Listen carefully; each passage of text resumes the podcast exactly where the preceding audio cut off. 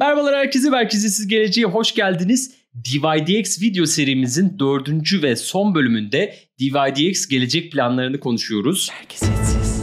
Şu an DYDX'te versiyon 3 hayatta, versiyon 4'e geçecek. Komple bir değişimle geliyor. Starkware altyapısından kendi blockchain'ine geçiyor. DYDX Cosmos'a geçiş yapmayı planlıyor. Bu platformun ölçeklenebilirliğini ve performansını arttırmasını amaçlıyorlar. Bu konuları da DYDX Foundation ülke müdürü Doruk İşmen ile konuşacağız. Gelecek planlarını tam adamına soruyoruz. Doruk hoş geldin. Hoş bulduk Doğancan. Teşekkürler beni davet ettiğiniz için. Hoş geldin Doruk. Gerçekten heyecanlıyız çünkü ayı piyasası hepimizi sildi süpürdü. İnsanlarda heves kalmadı. Ama birileri hala kalmaya, üretmeye, geliştirmeye devam ediyor. 2018'den hatırlıyorum bunu. Herkes batıp gittiğinde böyle çalışan projelere odaklanmıştım. Kimler hala bir şeyler üretiyor. Onların ekmeğini 2020'de 21'de yedik. Şimdi DYDX'te bu ayı sezonunun üreten isimlerinden bir tanesi. 2017'den beri aramızda ve üretmeye devam ediyor. Ama Şimdi radikal değişikliklerle de geliyor. O yüzden seni konuk aldık ve biraz derinlemesine inceleyelim bu değişiklikleri dedik. Çünkü sadece bu bir versiyon güncellemesi değil. Daha önce DYDX versiyon 3'te bir Ethereum katman 2 çözümü olan Starkware teknolojisinden güç alıyordu. Sonra dedi ki ben versiyon 4'te tamamen optimize bir blok zincire geçiyorum. Cosmos tabanlı kendi zincirimi yöneteceğim kardeşim. Bunun üzerinde daha profesyonel alım satım yapan insanlar için optimize edilmiş bir blok zincirimiz olacak dedi. Heyecanlı bir gelişme. Hemen hızlı hızlı seninle bunları konuşalım. Neden bu geçiş? Önce bununla başlayalım. Sonra detaylarına inelim. Tabii ki de. Ya öncelikle Doğan Can'da Furkan sen de çok güzel özetledin aslında ama ben biraz da böyle detaya ineyim. Niye böyle bir değişikliğe ihtiyaç duyduk? Neden versiyon 3 bize yetmedi? Niye versiyon 4'e ihtiyaç duyduk? Aslında dediğiniz gibi versiyon 4 tamamen yeni bir paradigma oluşturuyor. Ne bu paradigma? Ne bu yenilik? Ne bu inovasyon? App spesifik zincir yani uygulamaya yönelik sadece uygulama tabanlı zincirlerin geleceğinin ne kadar önemli olduğunu gösterecek bize. Çünkü DYDX versiyon 3'te, versiyon 2'de ve versiyon 1'de aslında Ethereum'dan güvenliğini sağlayan bir uygulamaydı, bir protokoldü. Ama şimdi baktığımızda neden bu tercih yapıldığını incelersek şayet bir önceki versiyonlarda genellikle şu problemler vardı. Çok yüksek işlem ücretleri ödüyorduk. DYDX üzerinde işlem yapmak için yeterince hızlı değildi. Yeterince hızlı saniyedeki işlem sayısı düşüktü. İnsanların kullanımı açısından pek çok farklı engel vardı. Bir merkezi borsa deneyimi yaşatamıyorduk hiçbir şekilde. Ve bu yüzden bu kısıtlamaları tabii ki de daha fazla ek yapılabilir ama temelde bu üç etken söylenebilir. Cosmos altyapısıyla birlikte DYDX kendi zincirini kuracağını açıkladı versiyon 4 ile birlikte. Şu anda da versiyon 4'ün aslında testneti yayında. Herkes açık bir testnet var. Herkes kullanabiliyor versiyon 4'ü. İstedikleri gibi işlem yapabiliyorlar. Neden Cosmos'u tercih ettik? Neden Cosmos üzerinde DYDX kendi zincirini kuruyor sorusuna gelecek olursak da aslında bu önceki saymış olduğum problemlerin cevabı Cosmos üzerindeki kendi zincirinde yatıyor. Versiyon 4 ile birlikte çok daha ucuza, çok daha hızlı bir şekilde ve tamamen merkeziyetsiz belki de en önemli özelliği bu olabilir Kosmos'a geçtiğimizde tamamen merkeziyetsiz bir şekilde merkezi borsa deneyimi yaşatabilecek bir altyapı sağlıyor bize Cosmos'un altyapısı. Çünkü Cosmos'un SDK'yi var. Bu SDK'de aslında bildiğiniz bir kit, bir yazılım kiti. Ve bu yazılım kiti çok fazla değişken barındıran, çok farklı şekilde böyle şey gibi düşünebilirsiniz. Bir oyuncak hamuru gibi düşünebilirsiniz. Şekillendirilebilen, dilediğiniz gibi şekillendirebildiğiniz bir altyapı sağlıyor size. Bu yüzden de e, hali hazırda yani baktığınızda belki Cosmos böyle çok kullanılan, çok popüler, işte çok fazla kullanıcısı olan ya da çok fazla yazılımcısı olan bir ekosistem değil. Ama Cosmos SDK'in sağlamış olduğu artılar çok fazla. Ve diğer projelere baktığımızda ki mesela burada tercih yapılırken başka birinci katman projeleri ve ikinci katman projeleri de, de test edildi. E, Cosmos SDK'nin sağlamış olduğu avantajları çok büyük bir çoğunluğu sağlayamadığı için aslında Cosmos üzerinde bir DYDX zinciri geliştiriliyor. Bu yüzden de aslında hem merkeziyetsizlik tamamen sağlanmış oluyor hem merkezi borsa deneyimi merkeziyetsiz bir borsa üzerinde şekillenmiş olacak. Çünkü en büyük problem bu aslında baktığımızda.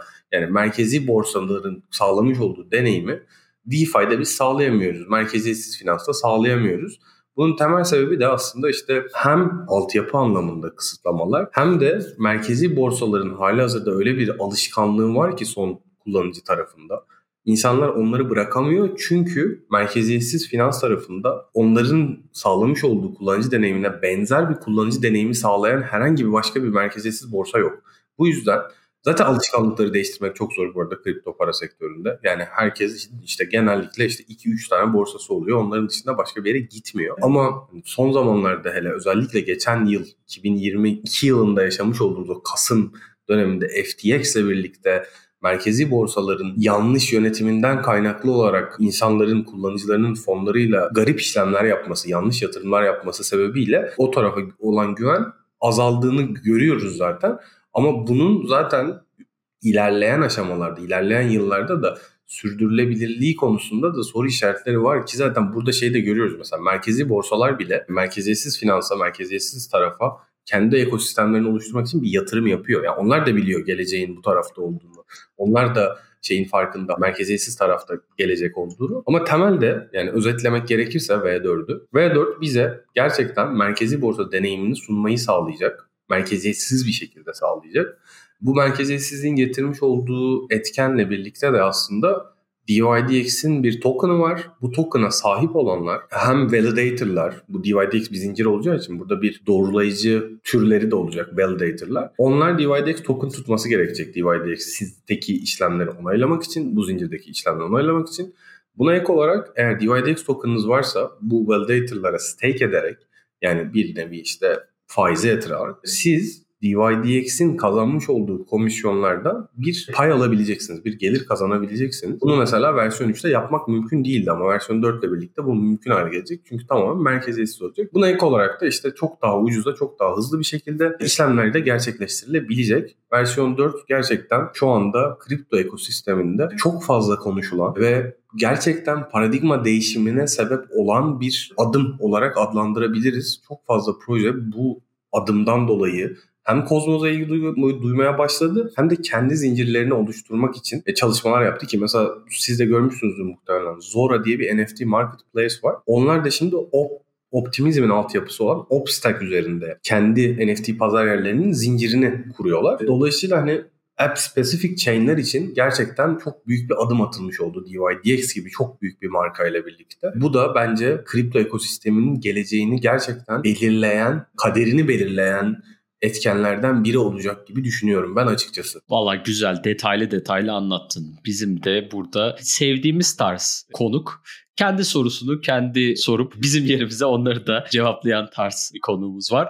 Çok güzel bir sürü şeyden bahsetti. Bunların arasında bu e, özellikle DYDX'in özellikle değindiği merkezi borsa deneyiminin altını çizdin. Bunun daha da iyi hale gelmesi bekleniyor anladığım kadarıyla bu versiyon 4 ile birlikte. E, belki bu tarafa biraz açılabiliriz ve hani bunun yanında yani şeyden bahsediliyor. Yalnızca alım satım için optimize edilmiş bir blok zincirde işlem görebileceğini yani DYDX'in e, bu şekilde işlem görebileceğinden bahsediliyor. Hani bunlar hakkında yorumlarını da alalım. Aslında aslında biz şöyle bir test yaptık DYDX Foundation olarak. DYDX Foundation'ın şöyle bir yapısı var. Bizim işte 4-5 tane ülke liderimiz var benim gibi. Ve biz bu ülkeler içerisinde 6 ay boyunca haftalarca süren ve haftada 2-3 tane konuk aldığımız anketler düzenledik. Ve biz bu anketlerde şunu anlamaya çalıştık. Bir, insanlar neden merkezi borsa kullanıyor? İki, insanlar neden merkeziyetsiz borsa kullanmıyor?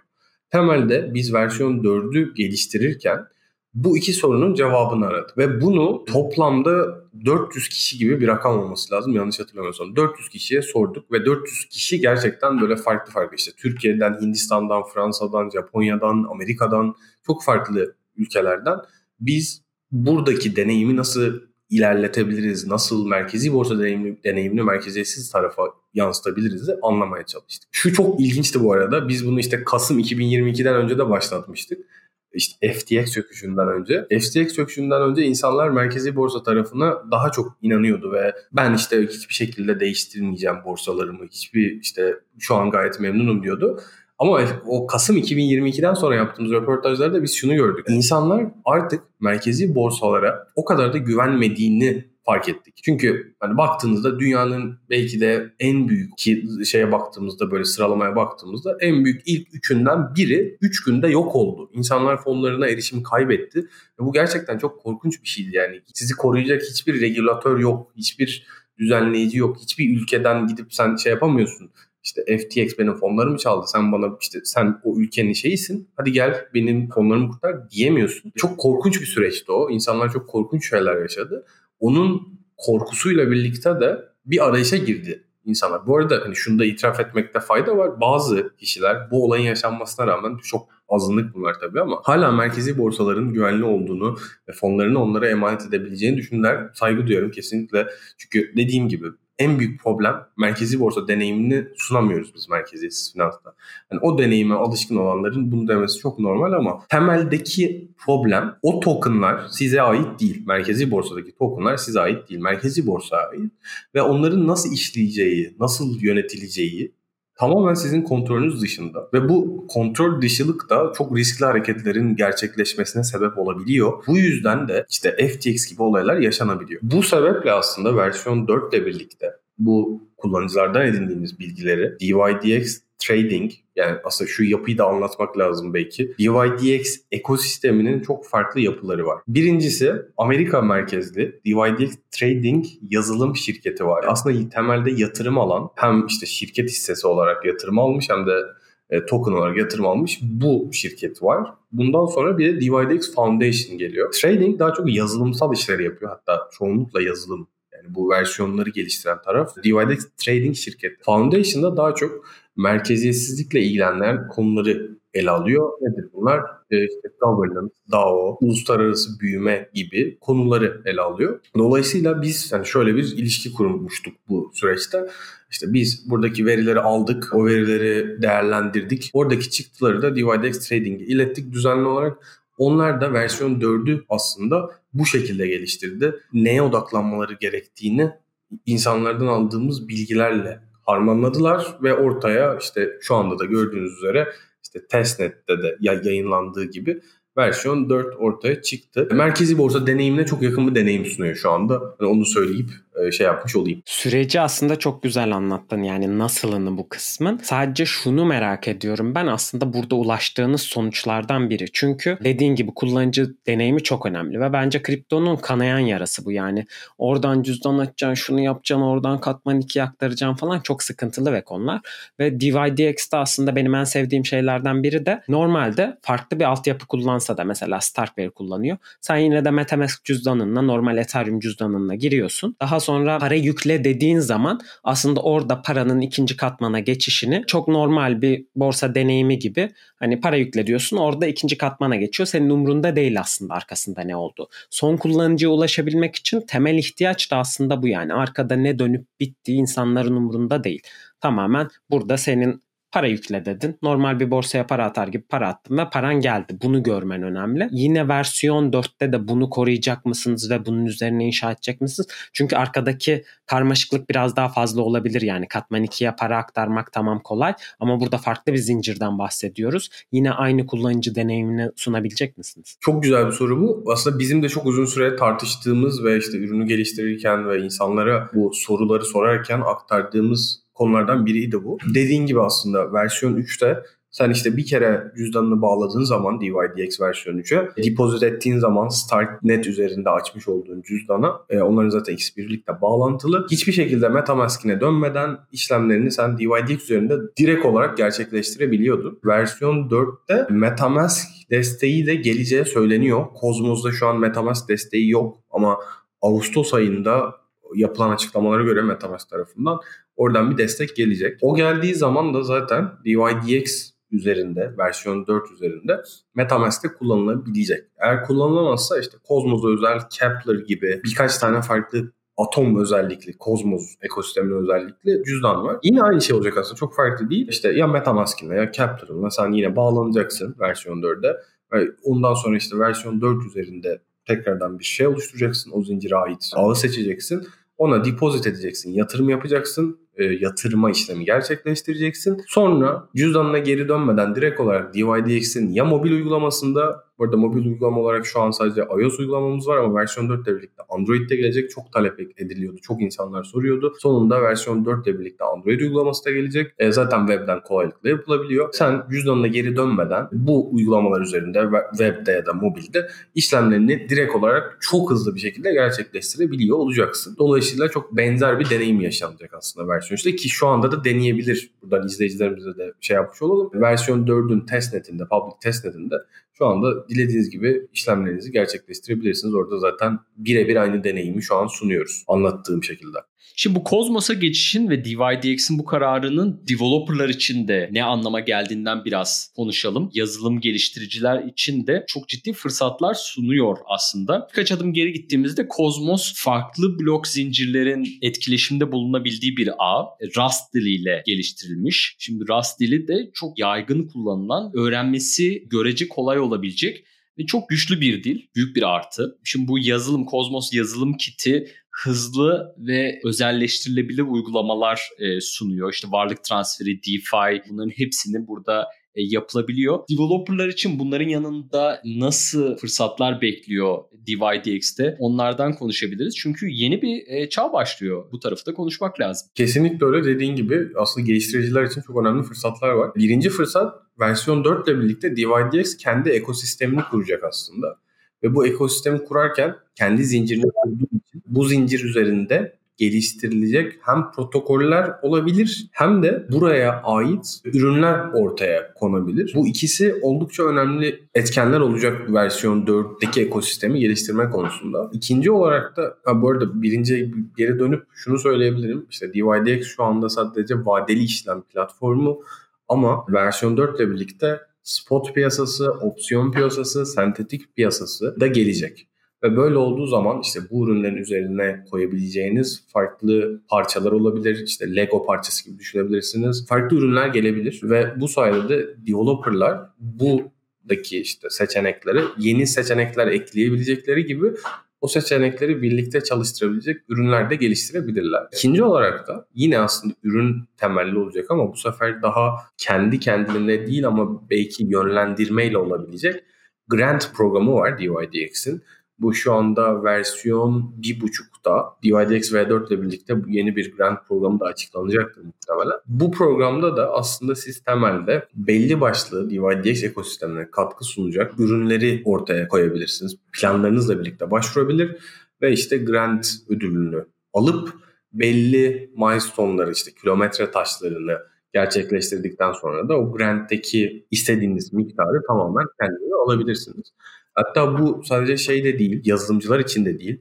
Yani burada işte içerik üreticiler de faydalanabilir, öğrenciler de faydalanabilir. Ürün olarak değil, bayağı bunu işte marketing, growth, ekosistem geliştirme olarak da bakabilirsiniz. Grant programları çok geniş kapsamlı oluyor genellikle. DYDX'in grant programı da aslında bu şekilde. O yüzden sadece yazılımcılar değil grant programında. Herkes yararlanabilir. Bunun için de dydxgrants.com sitesine girerlerse orada daha önceden almış oldukları grantleri inceleyip belki de kendilerine uygulayabilecekleri örnekler bulabilirler ve o şekilde başvuru yapabilirler. Çok güzel bir noktaya parmak bastın aslında. Çünkü yani bizim bu video serimizde aslında DYDX Grants'in yani hibe programının bir parçası. E, komünitenin sesini duyurması adına, ürünün farklı marketlerde sesini duyurması adına önemli bir destek programı. Biz de tüm şeffaflığımızla zaten bu seriyi bu bağlamda yaptığımızı paylaşıyoruz dinleyicilerimizle de. Gerçekten ekosistemin gelişmesi için çok teşvik edici.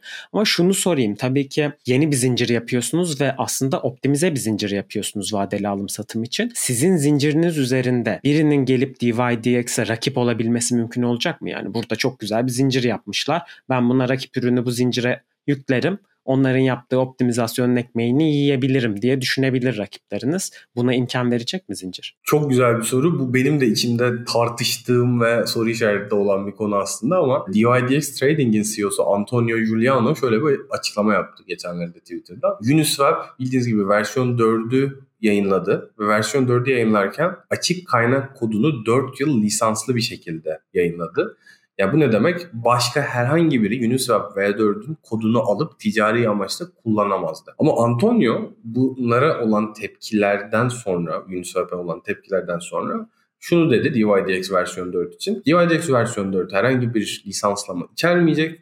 Dileyen herkes istediği gibi DYDX versiyon 4'ün kodlarını kullanabilir dedi. Dolayısıyla Furkan senin dediğin soruya gelecek olursak evet isteyen herkes versiyon 4'ün kodunu alıp kendisi kullanabilecek ve kendi merkeziyetsiz borsasını yaratabilecek. Kozmos üzerinde, Kozmos zinciri üzerinde. Ama hani şunu unutmamak lazım. Rekabet kaliteyi arttırır. Ne kadar rekabet olursa işte DYDX ekibi olarak biz de bu kadar fazla çalışmaya hazırız. Rekabette her zaman severiz, isteriz yani. Güzel. Açık kaynak kodunda rekabetinde her zaman destekçisiyiz. Kesinlikle öyle.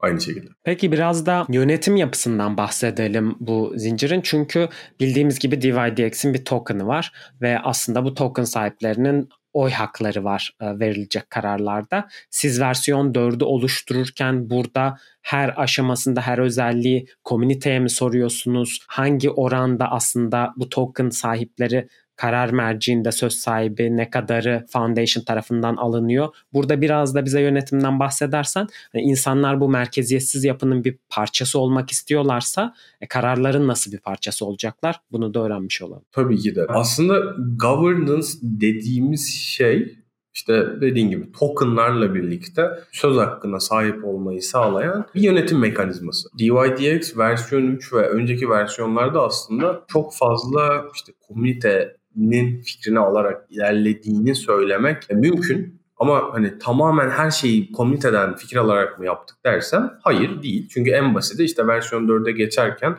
Kozmos'u tercih ettik. Ya burada sonuçta çok önemli bir uzmanlık gerektiriyor. Bu, bu tip şeyleri komüniteye belki sormak çok doğru değil ya da özelleştirilmiş bir komüniteye sorabilirsin. Belki yazılımcı kitlesine sadece sorabilirsin. Mesela burada herhangi kimseye sormadık ve DYDX Trading'in vermiş olduğu bir kararla ilerliyoruz tarafta. Temelde versiyon 4 ile birlikte tamamen merkeziyetsiz olacağı için her katman çünkü versiyon 3'te bile yine merkeziyetsiz borsa diyoruz ama işte iki tane mesela temelde şey vardı, işte katman vardı merkezi. Emir defteri ve emirlerin eşleşmesini sağlayan mekanizma. Bunların ikisi merkeziydi. DYDX Trading tarafından tutuyordu. İşte versiyon 4 ile birlikte bunlar da merkeziyetsiz olduğu için gerçekten governance'ın yönettiği, gerçekten DAO'nun yönettiği bir protokol dediği zincir olacak aslında DYDX. Çünkü zincir olmayan da ilerliyor. Ee, burada da şöyle bir etken var. Eskiden yani mevcut aslında versiyon 3 ve önceki versiyonlardaki governance'da alınmış olan bir karar aslında zincir üstünde alınmıyordu. Yani versiyon 4 ile birlikte governance, DAO tamamen zincir üstünde olacak ve şu şekilde olacak. Eğer bir karar alındıysa, karar onaylandıysa o otomatik olarak Kozmos'un sağlamış olduğu altyapıyla birlikte direkt implemente edilebilecek kimsenin şey yapmasına gerek kalmadan, herhangi bir şeyi tetiklemesine gerek kalmadan direkt olarak bu işte Kozmos'un altyapısı sayesinde alınan karar hayata geçirilebilecek. Ama versiyon 3 önceki versiyonlara baktığım zaman bu aslında şey değildi. Yani burada işte ya Foundation ya DYDX Foundation'ın alınan kararı işlemesi gerekiyordu tetiklemesi gerekiyordu ya da DYDX Trading'in tetiklemesi gerekiyordu. Ama artık böyle bir şeye gerek kalmayacak çünkü her şey buna da on-chain governance deniyor. On-chain governance üzerinden bütün alınan kararlar hayata geçirilebiliyor olacak. Bu da aslında çok önemli bir etken baktığınızda çünkü gerçekten komünitenin yönettiği, komünitenin karar verdiği, komünitenin söz hakkına sahip olduğu bir zincir olacak DYDX. E, ve bu da gerçekten çok heyecan verici. Dediğim gibi ya paradigma değişimini sağlayan ikinci nokta da bu aslında. Süper. Yani şu taraf da çok hoşuma gitti sen anlatırken. Bayağı bir transparan olarak anlatıyorsun. Bir merkeziyetsiz borsanın hani ülke müdürü olarak DYDX'in ülke müdürü olarak şu anki versiyonda versiyon 3'te hani merkezi olan tarafları da daha da nasıl merkeziyetsizleştirebiliriz? Daha dağıtık nasıl e, yapabiliriz bu sistemleri? Bunun üzerine çalışıyorsunuz. Yani söylediğin her şey bizim de e, adını verdiğimiz merkeziyetsiz gelecek konseptine çok oturuyor. Umuyorum ki burada artık hani olabildiğince iyi planlanmış bir geçiş süreci ardından hani e, bu söylenenleri yapmaya bakıyor. Bu da yapıldığı zaman DYDX'in önü oldukça açık gözüküyor. Aslında hani ya ben tabii kişisel olarak böyle bir insanım. Hiçbir zaman hiçbir zaman işte arka planda, arka kapılarda hiçbir şey olmasını istemem. Tamamen şeffaf olurum ama DYDX'in ve işte DYDX Trading'in CEO'su Antonio'nun da tamamen açık olmasından kaynaklı bir şey bu. Yani hem ekibe karşı tamamen açık, tamamen şeffaf hem de komüniteye karşı tamamen şeffaf. Yani bu onun söylemi aslında yani o iki katmanın merkezi olmasını Antonio söylüyor. Ama ne yazık ki kriptoda şöyle bir şey var. E, bu hatta hayatımızda da vardır muhtemelen. Hep kapalı kapılar ardında bir şeyler dönüyor. Ve bu aslında baktığımız zaman 2022 yılındaki o kaosun temel sebebini kapalı kapılar ardında dönen taht oyunları diyeyim. O fonların birbirlerine aktarılıp ne olduğunu bilmeden insanların işlemlerini gerçekleştirmesi diyeyim. Yani ne geldiyse başımıza aslında o arka kapılarda dönen oyunlardan geldi. Ve hani gerçekten hem ben şahsi olarak hem de DYDX olarak biz bundan çok sıkıldık. Ve o yüzden gerçekten şeffaf olarak hayatımıza devam etmek ve komünitenin gerçekten yönettiği bir protokol olarak hayata devam etmek istiyor. Umarım bu hayata geçer ve başarılı olur ve umarım herkes de bundan örnek alır ve şeffaf bir şekilde hayatlarına devam eder. Bütün protokoller. Çok güzel anlattın. Gerçekten burada bir aslında merkeziyetsizliğin varış noktası değil de gidilen yolculuk olduğunu bize çok güzel somut bir örnekle göstermiş oldun. Çünkü her şey ne kadar merkeziyetsiz aslında bu iş bir ve sıfır değil. Daima daha da merkeziyetsizleşebilirsiniz ve daha merkeziyetsizleştikçe daha şeffaf insanların rahatça takip edebileceği bir konuma gelebilirsiniz. Bu yolculukta o yüzden size gerçekten bol şans diliyorum. Umarım e, bu rotadan bu yönden şaşmadan e, yolculuğunuza devam edersiniz. Gerçekten çok keyifli bir program oldu bizim için. Ben çok keyif aldım Doğancan seni bilmiyorum. Teşekkür ederiz katıldığın için de. Umarız başka programlarda da zaten görüşürüz. Ya bu program şunun için de güzel oldu. Bak şimdi hep yani konuşuyoruz biz Furkan'la burada merkeziyetsiz e, yapıları, e, organizasyonları. Bu organizasyonun içinden insanlarla konuştuğumuz zaman tabii ki burada Doruk kendi bünyesinde olduğu şirketi tabii ki güzel anlatacak ama bu şeffaflık hani o merkeziyetsiz dağıtık yapıyı hani bu şekilde de anlatılması çok birbiriyle oturuyor. Yani ben bol şans diliyorum gerçekten. Bazı dinleyicilerimiz için teknik kısımları olabilir ama genel olarak DYDX diyoruz efendim. Bu arada o teknik tarafı anlamayan kişiler için ya da soru işaretli olan kişiler için DYDX Türkiye'nin bir Discord kanalı var. Ya sosyal medya kanallarından da görebilirsiniz zaten. O kanallardan bizi takip ederseniz, komitemize katılırsanız orada bütün sorularınızı cevaplayabiliriz. Akıllarında olsun soru işaretleri olanlar için. Onu da e, bölüm notlarında aşağıda bulabilirsiniz. Ayrıca bu bölümün yazılı hali de blog yazısı olarak blog.merkeziyetsizgelecek.com adresinde e, bulabilirsiniz. Orada da kaynaklarıyla birlikte bu bölümde konuştuğumuz her şeyi inceleyebilirsiniz diyelim. Tekrar başka bir videoda görüşmek üzere. Hoşçakalın. Haftaya tekrar görüşmek üzere. Hoşçakalın. Abone olmayı unutmayın. Abone olun. Evet. Hep bak Furkan söylüyor size. Şu aboneyi artık yani çöz. Hadi. Abone olmayı unutmayın. Merkeziyetsiz gelecek.